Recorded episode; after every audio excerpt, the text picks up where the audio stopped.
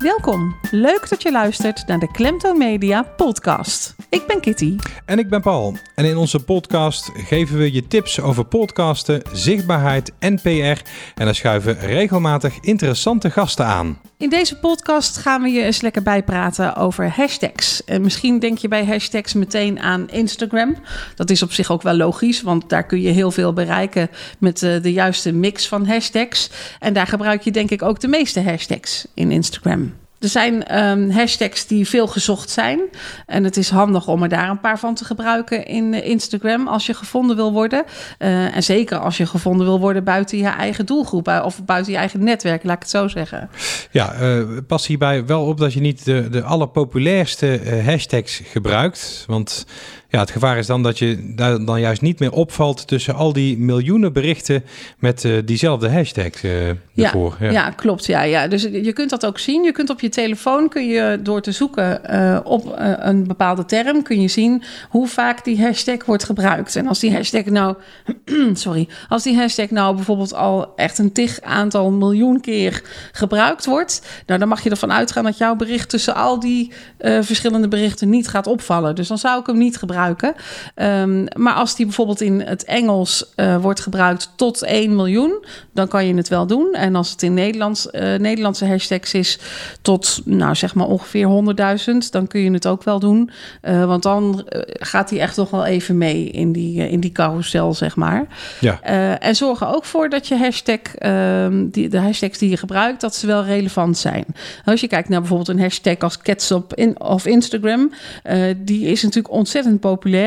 Maar als jij een bericht plaatst wat helemaal niet over katten gaat, ja, dan heeft het weinig zin om dat om die hashtag erbij te, te zetten. Maar ik zie mensen ja. nog wel eens, sommige, nou, Cats of Instagram misschien een slecht voorbeeld, maar ik zie mensen wel uh, uh, bepaalde algemene hashtags erin zetten waarvan ik denk van ja, het is niet echt relevant bij het onderwerp wat je op dat moment uh, post. Nee, als bijvoorbeeld als je de hashtag Instagram gebruikt op Instagram. Ja, dan Zo, heb je ja, weinig mag je vanuit gaan dat het niet zo heel veel doet. Nee, nee precies. Um, dus gebruik vooral hashtags die ook iets zeggen over de inhoud van je post. En, ook belangrijk, kijk ook even naar hoe je foto eruit ziet. En probeer in je hashtag ook te omschrijven waar die foto over gaat. Ja. Als jij een foto uh, erop zet van een uh, dame in een rode jurk, hashtag rode jurk. Waarom niet? Dat, Ja. dat, dat helpt wel mee. Dus hashtags die de foto omschrijven. Ja, precies.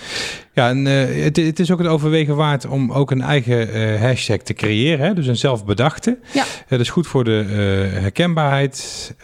dus ja, dat is altijd een goed advies, denk ik. Ja. Ja, ja, zeker. Het is helemaal leuk als mensen die gaan overnemen. Hè? Waardoor, je, um, waardoor jouw hashtag zeg maar, ook gebruikt wordt door anderen. Um, en dan heb je, je eigen, echt je eigen hashtag die, die dus echt iets zegt over jou. En waardoor jouw naam of, of jouw product of jouw dienst regelmatig voorbij komt. Ja, aan het begin van deze podcast hadden we natuurlijk over um, dat je bij een hashtag, hè, dus het, het hekje karakter, hè, want Mhm, dat is het. Ja, ja. En dat je dan toch gelijk aan uh, Instagram denkt, maar dat is niet het enige social media kanaal waarbij hashtags uh, veel gebruikt worden. Hè?